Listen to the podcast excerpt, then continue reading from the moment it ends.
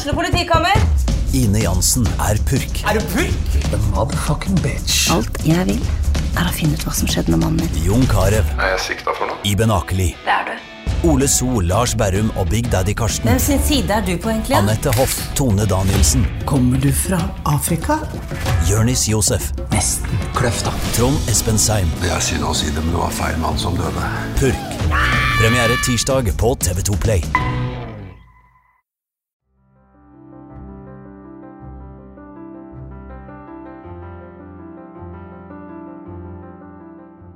Dagens episode forteller Kjetil Klungland helt ærlig om når faren hans ble skutt og drept som politimann under Nokas-ranet. Før vi kommer helt inn på det, så vil jeg bli litt bedre kjent med Kjetil, og hvordan forholdet hans var med faren sin. Eh, Jeg opplever at eh, mitt forhold til far har vært sånn som mange andre tenåringer og unge voksne hadde til sin far. Vi, med, I den tida så fant vi ikke på så mye sammen, for jeg var vel kanskje litt ung og umoden til å ha lyst til å, å på en måte finne på så veldig mye med, med, med min far. da. Det var liksom mer venner som sto i, i fokus da. Eh, men i ungdommen og barndomsåra så var han jo veldig aktiv og delaktig i livet mitt i forhold til det som jeg holdt på med med håndball og, og eh, friluftsliv og litt sånt. Så, men vi kunne krangle, og vi kunne av og til slåss. Så, men det, det var et eh, ganske sånn normalt far-sønn-forhold, vil jeg beskrive det som. Hvem var det som vant når dere sloss? Ja, det var nok han. han kunne av og til sitte i ro. Jeg husker en gang han satt i ro, og jeg eh, prøvde å bryte med han, og han bare satt helt i ro, helt til liksom han syntes at det var nok. Og da, da fikk jeg merke at det var nok. ja. Ehm, har du et annet eh, fint minne om dere to som du har lyst til å fortelle om?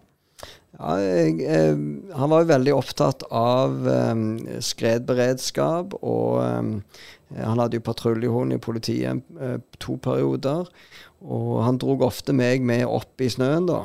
Og det var graving av snøhuler, og vi overnatta i snøhuler. Og han Det var skredøvelser hvor jeg var markør da, ble gravd ned under snøen. og og det var jo litt stas når da hunden fant den, og jeg ble heist opp i helikopter og flydd ut. og så klart Når en er en ti-tolv år, så var jo det òg veldig stas. da, Så um, det er sånn et fine minner som uh, han årlig pleide å dra meg med på. da.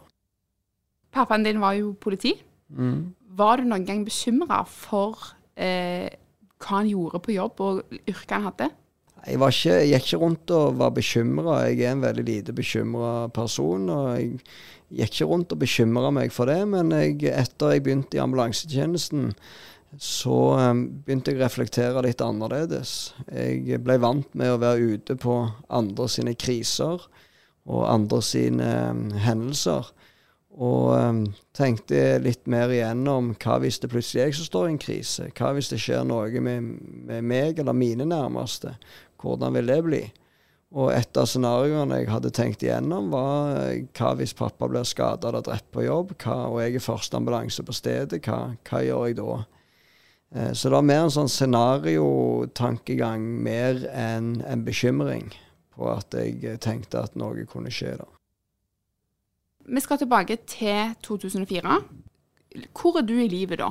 Da er jeg eh, 23 år gammel og, og bor eh, fortsatt faktisk hjemme. Eh, hadde en kjellerleilighet og hadde fått smaken på å jobbe. Og jobba i ambulansetjenesten, jeg jobba i begravelsesbyrå, jeg jobba i psykiatrien og noen andre små jobber til i forskjellige firma. Eh, og ja, bodde hjemme. Eh, Sov på natta, sto opp om morgenen, gikk på jobb. Gikk på, kanskje på en ny jobb etterpå og kom hjem seint på kvelden. og Syns det var egentlig ganske greit. Så jeg, ja, jeg syns jeg hadde et aktivt liv og friluftsliv og gjorde det jeg hadde lyst til å gjøre, egentlig. Jeg lurer på om eh, du kan ta meg tilbake til 5. april 2004. Jeg eh, drar på dagvakt. Da jobber jeg et år ute på Bryne i ambulansetjenesten der. Og um, vi får et oppdrag eh, om å kjøre en eldre mann som skal inn på sykehuset for en kontroll da på morgenen. Og dette er jo et ganske stille og rolig oppdrag, og det er ingenting dramatikk rundt dette. Eh, jeg sitter bak med den eldre herremannen, og makkeren min eh, kjører ambulansen. Eh, vi kjører innover mot Stavanger, og når vi kommer på E39, så får vi et oppkall fra AMK, som er vår kommunikasjonssentral, altså der du kommer til når du ringer 113.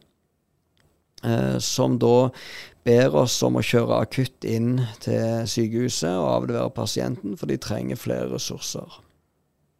Og eh, jeg tenker ikke noe veldig mye mer over det, for det er sånn som skjer av og til, at eh, vi må skynde på. Det er neste oppdrag som trenger ressurser og, og, sånt, så jeg tenker ikke noe mer over det.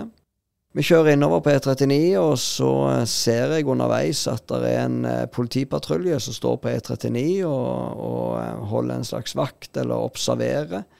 og de er bevæpna, ser jeg, og tenker at OK, det er en væpna aksjon som skjer. og at det er, derfor, eh, det er derfor de trenger flere helseressurser.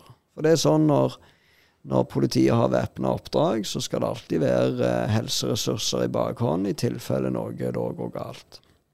Så jeg tenker ikke noe mer over dette her. Kjører inn, avleverer pasienten på sykehuset og prøver å eh, kalle opp AMK på, på sambandet. Men får ikke kontakt med de der. Så meg og kollegaen min vi går opp trappene til der som AMK lå den gangen, eh, rett på siden av akuttmottaket. Og eh, når vi åpner døra der, så ser jeg inn at det er et eller annet som skjer. For der er flere folk inne. Der er masse telefoner som, som, eh, som jeg hører komme inn, og, og, og, sånt at jeg skjønner at det er et eller annet som, som skjer. Eh, der og da så tenker jeg liksom at OK, vi får et nytt oppdrag, og vi skal få en ny adresse, da. Så reiser vi ut igjen, og sånn og sånn. Eh, men vi blir liksom stående litt i døråpningen. Eh, kollegaen som jobber i AMK, han snur seg til meg, og så ser han mot meg, og så ser at vi står der, men, men han, han, fortsetter bare å jobbe. Så det ble litt sånn merkelig stemning. For jeg forventer jo å få et nytt oppdrag, da. Eh, etter eh, ja, noen sekunder til, eller noe sånt, så, så, snur han seg på ny, og så spør han om jeg kan gå inn på et rom på sida av. Og jeg tenker det var litt merkelig, da. Jeg forventer jo å få et nytt oppdrag, men vi gjør jo som vi får beskjed om. Kom inn i rommet på sida av, ser at det er et eller annet som brenner ut Altså, vi ser et eller annet ut vinduet, opp mot Ullandhaug. At det er et eller annet som brenner.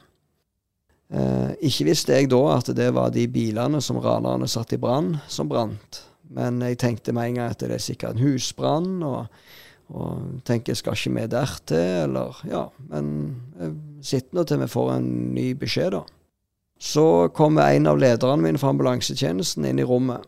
Han har eh, lest på aftenbladet.no at det er et pågående ran nede i sentrum av Stavanger, og at det er løsna skudd. Så tenker med en gang at nå håper jeg pappa er på jobb. Fordi at jeg kunne se han for meg, at han hadde en lederrolle, operativ lederrolle. Og jeg kunne liksom høre han for meg og se han for meg, hvordan han organiserte og jobba da. Og så tenkte jeg at ja, kommer hjem i ettermiddag, og så får jeg eh, høre litt om hva som skjedde. Og så var det litt interessant, og vi kunne av og til drøfte litt, litt rundt ting som skjedde da. Eh, så jeg tenker ikke noe mer over dette. Og så eh, kommer to av, mine, to av lederne i AMK kom inn i rommet, og så setter de seg ned på sida av meg, på hver sin side. Og så sier de til meg at eh, de tror det kan ha skjedd noe forferdelig med, med far min. Eh, de, de, kan ikke da si, bekrefte at det er han, og de kan heller ikke bekrefte helt hva som har skjedd. Men de sier at de må forberede meg på at det kan ha skjedd noe med han. De går ut igjen. Jeg sitter og tenker igjennom at OK, Kanskje nå har det skjedd det som ikke skal skje. De kommer på ny inn igjen, setter seg ned på sida av meg, og så sier de at eh, nå er det bekrefta, at det er far din. Og han, eh, han er skutt, sier de. Eh, men jeg oppfatter ikke der og da at han er skutt og drept. Jeg tenker med en gang at eh, han er skutt og skada, da. Så jeg må spørre eh, lederne da om han er skutt og skada, eller om han er skutt og drept. Så sier hun ene lederen i AMK da, at han er skutt og drept. Da. Jeg kjenner jo først og fremst at jeg trenger informasjon. Jeg lurer veldig på hvor har dette skjedd? Hvordan så det ut? Hvem har gjort dette? Hvor er de personene nå? Eh, hvem andre har vært involvert? Er det flere som er skada? Altså jeg, jeg, trengte informasjon om, om, hva er det som har skjedd. Eh, jeg tenker òg at jeg må jo varsle resten av familien. Og eh, jeg ringer til min mor, som var på jobb i psykiatrien rett på sida av eh, sykehuset. Og forteller til hun hva som har skjedd da, at, eh, og at, forteller at jeg kommer ned og henter henne. Når jeg kommer ned, altså, jeg kan si det også at da ble jeg tatt ut av tjeneste. altså Nå står jeg ikke i fare for å bli sendt ut på nye oppdrag, men, men jeg har liksom ambulanseuniformen på. Det er òg noe som preger resten av tankesettet mitt eh, resten av dagen. da. Men jeg kommer ned, møter mor mi, og um, hun kommer ut, uh, ut forbi avdelingen og møter meg. Og noen av hennes første ord var litt at han hadde jo bare tre år igjen. Jeg tror at mor mi har tenkt uh, på risikoen uh, i forhold til jobben hans og sånt i ja, en rekke år, i og med at han har hatt, den, altså han har hatt en jobb i politiet da, i ganske mange år. Men at nå skulle han jo pensjonere seg om en tre år, da og at eh, risikoen kom til å bli annerledes da. Så hennes første ord til meg husker jeg var liksom at han hadde jo bare tre år igjen. Følelsesmessig da så gikk det nok ikke helt opp for meg.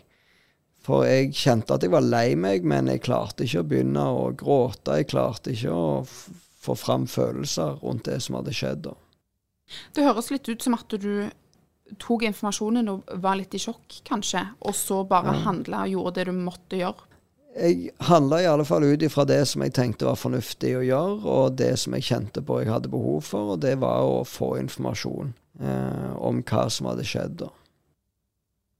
Det var altså viktig for Kjetil å få mest mulig informasjon om hva som hadde skjedd. Og under orienteringen til politiet om hendelsen, så skjedde det noe. Når vi sitter under orienteringen der, så kjenner jeg på en magefølelse som bare blir sterkere og sterkere. Det er at eh, jeg må se pappa. Jeg trenger å se han når han sitter i bilen. Og dette har jeg på en måte forberedt meg på. Jeg hadde jo òg snakket med noen fra ambulansetjenesten som hadde vært nede og, og eh, sett pappa eh, når han satt i bilen, og, eh, og sa at det så ikke så gale ut. Mm. Men for meg så var det viktig å se han der han satt i bilen, før måte, politiet tok han ut av bilen. Hvorfor?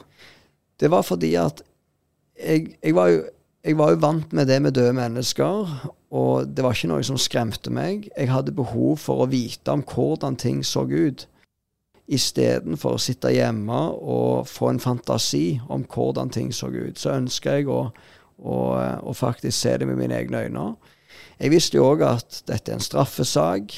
Pappa vil bli obdusert. Eh, det kommer til å gå tid før vi får muligheten til å se han igjen når han ligger i kista. Og på den tida så vil han være annerledes i utseendet. Så jeg vet at hvis jeg, se, hvis jeg, skal få lov til å se pappa der han er mest lik seg sjøl, så haster det. Jeg kan ikke vente ei uke og to for det. Eh, sånn at, eh, at, da hadde jeg iallfall gitt beskjed. Noen av lederne var ikke liksom helt forberedt på at jeg skulle komme med den, det spørsmålet, da. Eh, videre seinere i løpet av dagen da, så, eh, så eh, får jeg muligheten da til å se pappa. Og tenke at kanskje nå så eh, vil det gå opp for meg følelsesmessig at det, at det er pappa. at at, det, at jeg får, utløp for følelsene. Da. At jeg kan få begynne sorgen med å gråte og det. Jeg eh, får beskjed om når jeg kommer ned på politihuset, for eh, bilen med pappa i er taua inn i, til, i garasjeanlegget til politihuset. Og jeg får eh, beskjed om fra krimteknikeren som jobber med sporsikring, da, at jeg kan ikke berøre på pappa når, når jeg er inne i, inne i bilen. Men, men, for meg så var det iallfall viktig at jeg fikk se på han. At jeg ikke ble fratatt den muligheten. Så tenker jeg at kanskje nå kommer følelsene. Kanskje nå kommer gråten og fortvilelsen og det, når jeg faktisk ser på han. Når jeg er der inne, så, så går jeg først eh, bak i bakdelen av bilen, og liksom jeg bakdelen av bilen møter meg, og så går jeg litt fram og tilbake bak bilen før jeg går fram til førerdøra. Der er vinduet nedrulla, sånn at jeg kan se rett inn på. Når, når jeg står der og så ser inn på han, så Altså, det bildet jeg ser, det kan jeg lukke øynene mine i dag, og så kan jeg se det bildet for meg. Men for meg så er det et ganske godt bilde. Der var han ganske lik seg sjøl. Fargen eh, var nokså lik som, som han var, altså fargen i huden. Eh, øynene var sånn delvis nedrulla. Eh, hendene var litt sånn, litt sånn eh, Lå i fanget, og, og, jeg kunne se på en måte hva utstyr han hadde med, og, og sånt, eh, i forhold til skriverier i avisen etterpå. da. Jeg husker at jeg tenkte at her kan jeg stå i flere timer og bare ta inn over meg inntrykket. Eh, det var jo en del skader, i, i, spesielt i bakhodet, som følge av prosjektiler, da, men, men jeg syns han så ganske fin ut, og det var en veldig verdig opplevelse å kunne gjøre, syns jeg. Jeg følte at jeg kunne stå der lenge, som jeg sa, jeg fikk liksom ikke nok. Så var tilbake til spørsmålet litt i forhold til når kom da følelsene? Når kom gråten og fortvilelsen? Og det var ca. en eh, dag eller to etterpå i Riska Riska kirke vi Åmorsåg. Så er det minnegudstjeneste, eller åpen kirke i alle fall. Og eh, jeg sitter på fremste benk der, og så husker jeg på skrått til venstre for meg så var det et bilde av pappa. Og da går det litt mer opp for meg at OK, i går var siste gangen jeg så han. Og da eh, får jeg mer utløp for følelser. Jeg begynner å gråte. Og, og, det var utrolig godt å kunne sitte der og hulkegrine og kjenne på at det var sårt og, og vondt, og at jeg savna pappa, at dette var en vond opplevelse.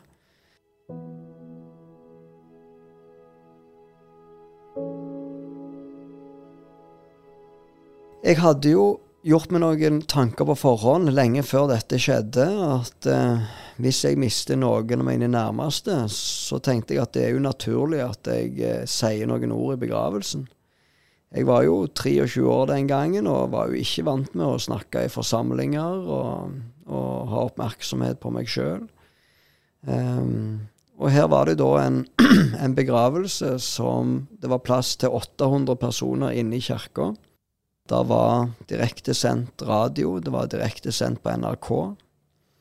Og så satt jeg litt som å Og tenkte jo på forhånd da at eh, jeg ville jo holde en tale, men så begynte jeg å tenke på Vil jeg da uh, mestre dette? Altså, Hva om jeg kommer opp og skal holde en tale, og så får jeg ikke ut et eneste ord, jeg klarer ikke å si noe? Men så tenkte jeg at det vil jo folk ha forståelse for, tenkte jeg. Hvis jeg kommer opp der og holder en tale, og i min fars begravelse, og så får jeg ikke ut et eneste ord, så tenker jeg det vil folk forstå. Når det var min tur til å tale, så ba jeg bare en kort bønn. Kjære Gud, og vær med meg i det jeg står i nå. Så gikk jeg opp, så holdt jeg en tale, så gikk jeg ned igjen. Og så kjente jeg på en mestringsopplevelse. Og den mestringsopplevelsen jeg kjente på, det er noe av den um, nøkkelen, som jeg vil si, til det som jeg opplevde den gangen og gjennom i dag, en nøkkel til en god livskvalitet. Fordi at jeg kunne kjenne på at jeg kunne grue meg eh, til det jeg skulle gjøre, og jeg skulle eh, prestere og sånt. Og så eh, forberedte jeg meg. Og så var det jo ikke så gale likevel. Det gikk jo ganske mye greit da, i forhold til hva jeg hadde forberedt meg på.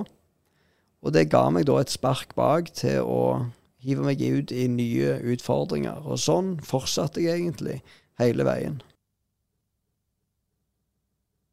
Jeg var ikke så opphengt i at dette var så urettferdig og brutalt, selv om det var det. Det var urettferdig, det var brutalt.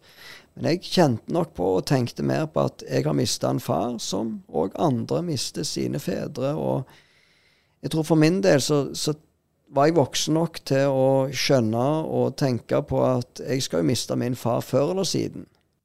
Eh, jeg tror kanskje òg det var annerledes, og jeg vet det var annerledes òg for min mor, som mista sin ektemann, som hun skulle ha sin tilværelse med i mange år framover, hvor de skulle finne på ting, og pensjonisttilværelse og, og sånt. Mens for meg så kjente jeg på at jeg skal miste en far før eller siden. Eh, og at jeg opplevde at jeg var voksen nok til å håndtere det. Det var ikke sånn at jeg kjente på at nå faller ting i grus. Hva gjør jeg nå? Jeg tenkte at OK, dette har jeg forberedt meg på, dette håndterer jeg. Eh, sånn at det var ikke liksom sånn det verste som kunne skje, eller verste jeg har opplevd. altså men det var jo vondt for det Jeg, jeg, skal ikke legge skjul på at det var vondt, det var smertefullt. Men, men jeg kjente meg rusta nok til å håndtere det. Du endte jo opp med å møte han som skøyt, Mm. og andre som var med på, på Nokas-ranet. Kan du fortelle meg litt om eh, motivasjonen til det? Motivasjonen for å møte dem var egentlig å tilfredsstille min egen nysgjerrighet. Eh, jeg hadde behov for å fortelle dem om hva konsekvenser dette har gjort med mitt liv. Og jeg hadde behov for å bli kjent med de eh, som Hvem er disse menneskene? For i den tida så var det jo mye, selvfølgelig, helt naturlig, mye skriverier i media. Og, og media skapte liksom sine bilder av disse ranerne, som Skyggen, Vesterhjernen, Fikseren og alt dette her. Men jeg lurte veldig på hvem var disse menneskene bak de medieskapte bildene. Hva holdninger hadde de til samfunnet, samfunnsstruktur, rett og galt? Eh, visste de forskjell på rett og galt, bare de brydde seg ikke? Eh, hva om dette var gjort mot noen av deres nærmeste? Hvordan ville de ønske at um, hvordan ville de ønske at gjerningspersonen skulle opptre? Hva ville de synes det var greit hvis rollene var motsatt? Men først og fremst så, så, var de møtene de var veldig viktige for meg, men det var for å tilfredsstille min egen nysgjerrighet på hvem er disse folka. Litt igjen for å ikke sitte hjemme og lure, men heller møte utfordringen, og så heller få vite litt mer om, om hvordan jeg opplevde de forskjellige granene. Det som var viktig for meg, det var at eh, den som jeg skulle møte, eh, skulle jeg møte alene. Jeg ville ikke at det skulle være andre personer til stede. Det skulle ikke være forsvarere til stede, det skal ikke være politifolk eller, eller um, fengselsbetjent der inne. Det skulle være kun meg og den som jeg møter, som skal være i det rommet. Det var viktig for meg fordi at uh, jeg ønska å legge til rette for en sånn naturlig og ærlig kommunikasjon som mulig. Og så tenkte jeg at hvis det er andre folk som står og overhører det vi sier, så vil det farge kommunikasjonen mellom oss i det rommet der. De fleste møtene, møtene hadde jeg jo i ankesaken i lagmannsretten. Eh, og det var fordi at i tingretten så var det jo kun to av ranerne som erkjente straffskyld. Det var David Toska og Jonny Tendrup. David Toska var den eh, raneren, gjerningspersonen, som eh, som planla hele ranet. Og Jonny Tendrup var den raneren som eh, hadde blitt skutt av eh, politiet i, eh, i låret. da. De to erkjente straffskyld i tingretten, mens i lagmannsretten var det flere som erkjente straffskyld, deriblant Kjell Schumann, som var den som avfyrte de dødelige skuddene mot, mot min far. da. Så i de møtene da, så, så kjente jeg at det er viktig med at jeg er forberedt.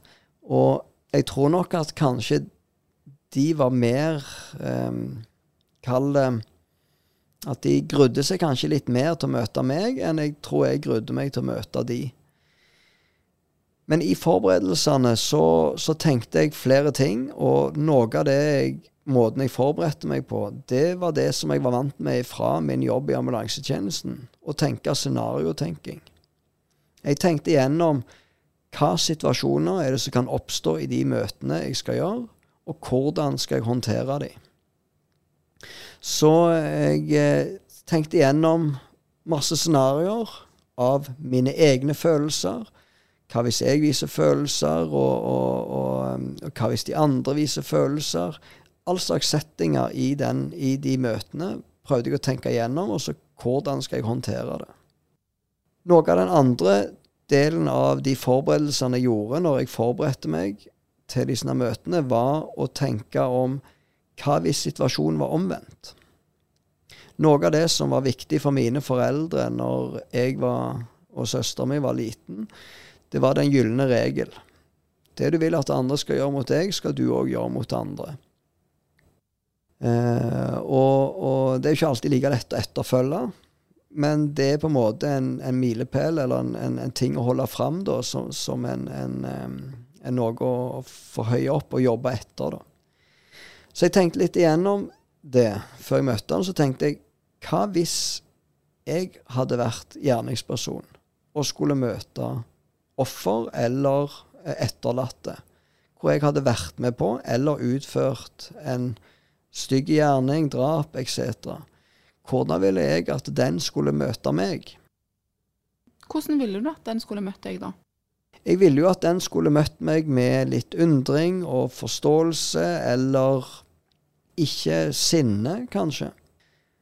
Inntil nå så hadde jo ikke jeg kjent på et sinne. Jeg hadde ikke kjent på at jeg ønska hevn overfor ranerne. Men jeg tenkte jo òg at jeg var åpen for at kanskje dette nå ville snu. Kanskje nå vil jeg kjenne på det sinnet. Kanskje nå vil jeg kjenne på et ønske etter hevn. Så jeg var åpen for at, uh, at det kunne komme i disse møtene. Men jeg forberedte meg på at jeg måtte prøve å oppføre meg sånn som jeg ville at den andre skulle oppført meg hvis situasjonen var omvendt. Jeg ante jo ikke om det, om jeg fikk det til, men det var i alle fall en del av forberedelsene. da. Ja, Vi kan ta utgangspunkt i Schumann, som, som var et, et, spesielt møte fordi at han hadde um, erkjent å være den som, som da hadde skutt eh, skuddet, som da drepte pappa.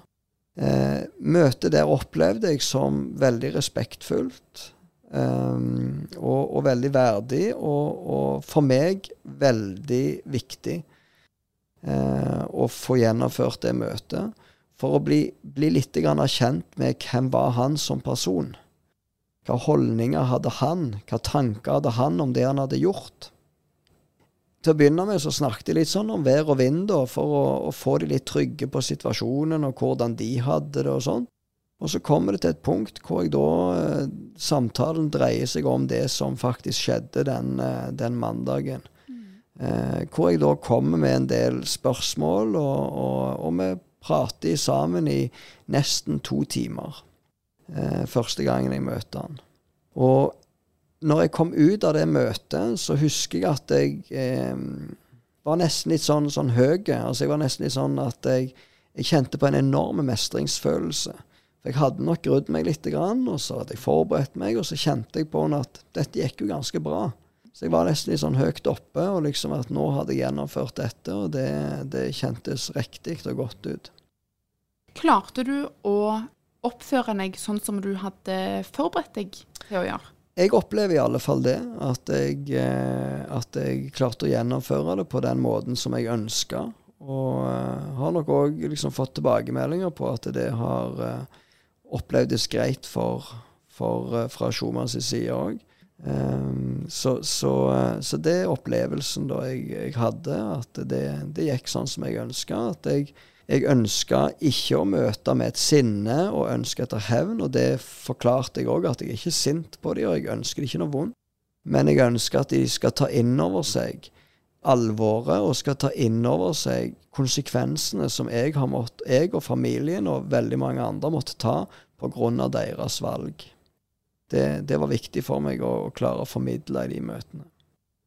Klarer du å si noe om hvorfor du ikke var sint? Til å begynne med så lurte jeg veldig på hvorfor er ikke jeg eller andre i familien, nærmeste familien, sinte på dette som har skjedd.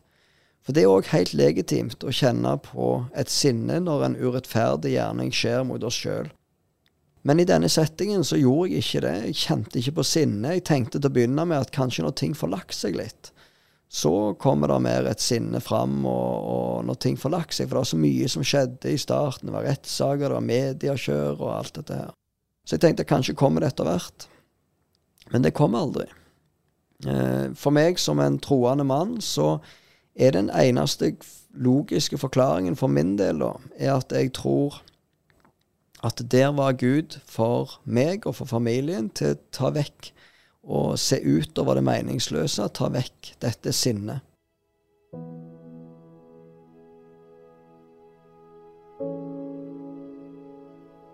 Seinere så, så, har jeg òg kjent at jeg tilgir de som gjorde dette her. Og mange har lurt på sa jeg det til de i møtene, når jeg da møtte de. Og det gjorde jeg ikke. Hvorfor gjorde jeg ikke det? Det var fordi at eh, når jeg møtte disse ranerne, så var jeg fremdeles i en prosess til å forstå hva tilgivelse betyr for meg. Fordi at når jeg var liten, så var tilgivelse ganske sånn enkelt. At jeg gjorde noe vondt mot søsteren min eller foreldrene mine, og så kjente jeg liksom på en anger, og, og så ba jeg om unnskyldning, og så sa gjerne mamma eller pappa det at OK, nå er det greit, nå er det glemt. Nå fikk jo tilgivelse en helt ny dimensjon. Fordi at jeg hadde jo ikke et behov for å glemme det som hadde skjedd. Og jeg hadde heller ikke et behov for å si at det var greit, det de hadde gjort.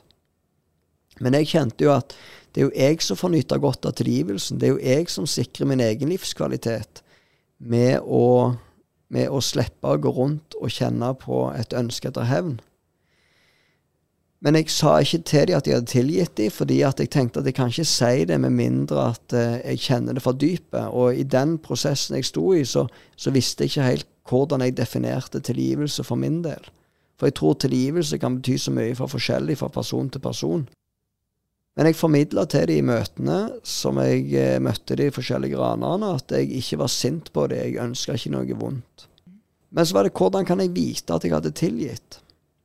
Og det var litt av det møtet jeg hadde da med eh, Schumann.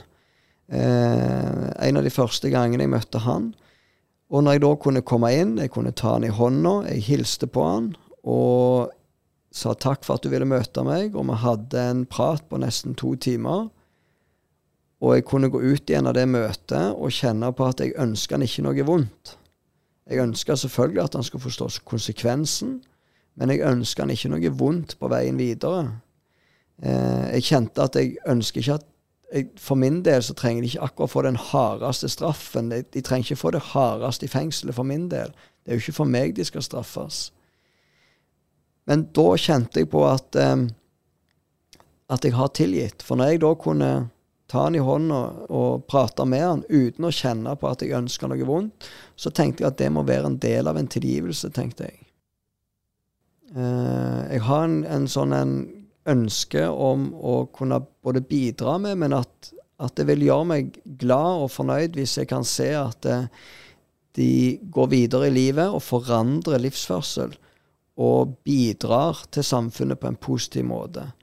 Um, det hadde gjort meg egentlig ganske glad hvis, eh, hvis jeg ser det skjer. Og, og jeg måte, kan òg se det at det òg skjer. Nå har jo alle kommet ut igjen. Og, og, noen, så klart, jeg er ikke helt naiv. Det er en sånn balansegang mellom ikke være for naiv, men faktisk òg tro litt på det mennesket du møter.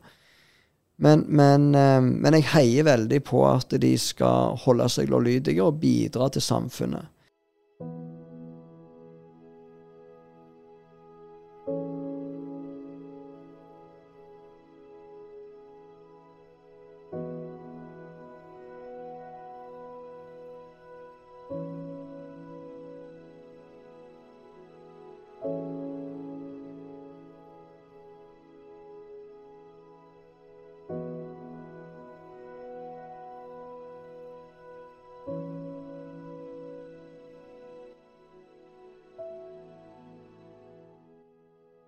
Har du et enkeltpersonforetak eller en liten bedrift? Da er du sikkert lei av å høre meg snakke om hvor enkelt det er med kvitteringer og bilag i fiken, så vi eh, gir oss her, vi. Fordi vi liker enkelt. Fiken superenkelt regnskap.